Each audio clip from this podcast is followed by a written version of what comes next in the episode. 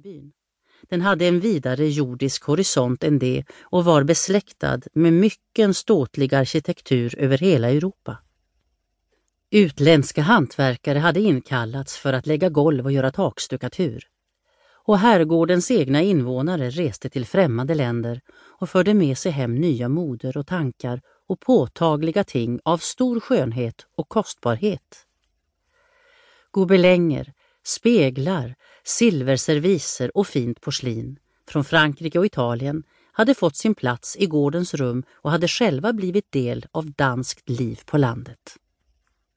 Herrgården hade lika djupa rötter i den danska jorden som kyrkan och byn och var lika nära förbunden med landets fyra vindar och skiftande årstider, med dess djurliv, träd och gräs som de halmtäckta stugorna. Men gården och byn hade dock gjort boskillnad sig emellan. Här uppe i lindarnas domän var det inte längre om kor, får och svin som talet rörde sig, utan om hästar och hundar. Landets fria fauna, viltet som bonden skakade sin knutna näve åt när han såg det i grönrågen eller i sin mogna veteåker, var för folket på herrgården livets fullaste innehåll och största glädje. Skriften på himlen förkunnade högtidligt en fortsättning, en jordisk odödlighet. Herrgårdarna hade stått där de stod genom många människoåldrar och de släkter som bodde i dem höll det förgångna i ära som de ärade sig själva, ty Danmarks saga var deras egen historia. Det hade suttit en rosenkrans på Rosenholm, en juel på Väringe, en skel på Gammel Estrup, så långt tillbaka som folk kunde minnas. De hade sett kungar och stilarter växla och hade med stolthet och ödmjukhet låtit sin egen tillvaro uppgå i gårdens, så att det bland sina ståndsbröder och hos allmogen gick under dess namn. Rosenholm, Väringe, Gammel Estrup.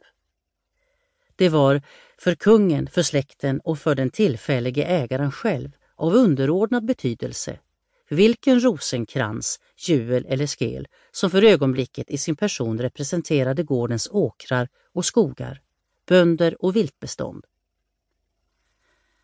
Många förpliktelser gentemot Gud i himlen, kungen av Danmark, hans eget folk och hans eget namn vilade på den store jordägarens skuldror. Och det var alla harmoniskt sammansmälta i hans plikter gentemot gården. Och den förnämsta av dessa var plikten att bevara släktens odödlighet. Att skaffa en ny rosenkrans, juel eller skel till Rosenholms, Veringes och Gammel Estrups tjänst. En kvinnlighet var högt ansedd och värderad på herrgårdarna. Tillsammans med ädelt vin och god jakt var den blomman av och symbolen för den högre form av mänsklig tillvaro som hörde hemma här uppe och i själ och hjärta var de gamla släkterna ofta stoltare över sina döttrar än över sina söner.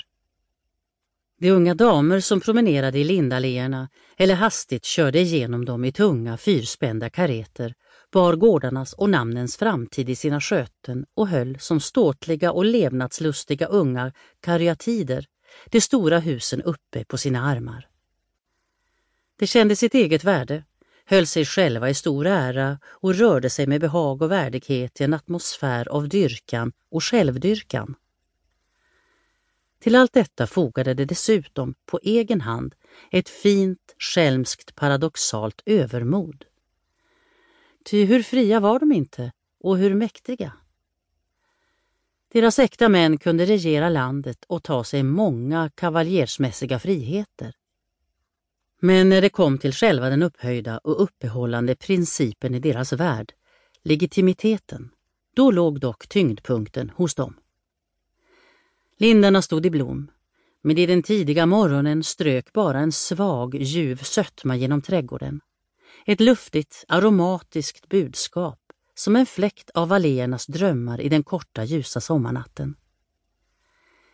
I den långa allén som förde från Corps de Logi ner till slutet av trädgården och till en liten vit paviljong i klassisk stil, varifrån man hade en vid utsikt över landskapet, gick en ung man. Han var enkelt klädd, i mörkbrunt med fint linne och spetskrås och han hade håret sammanknutet med ett band i nacken.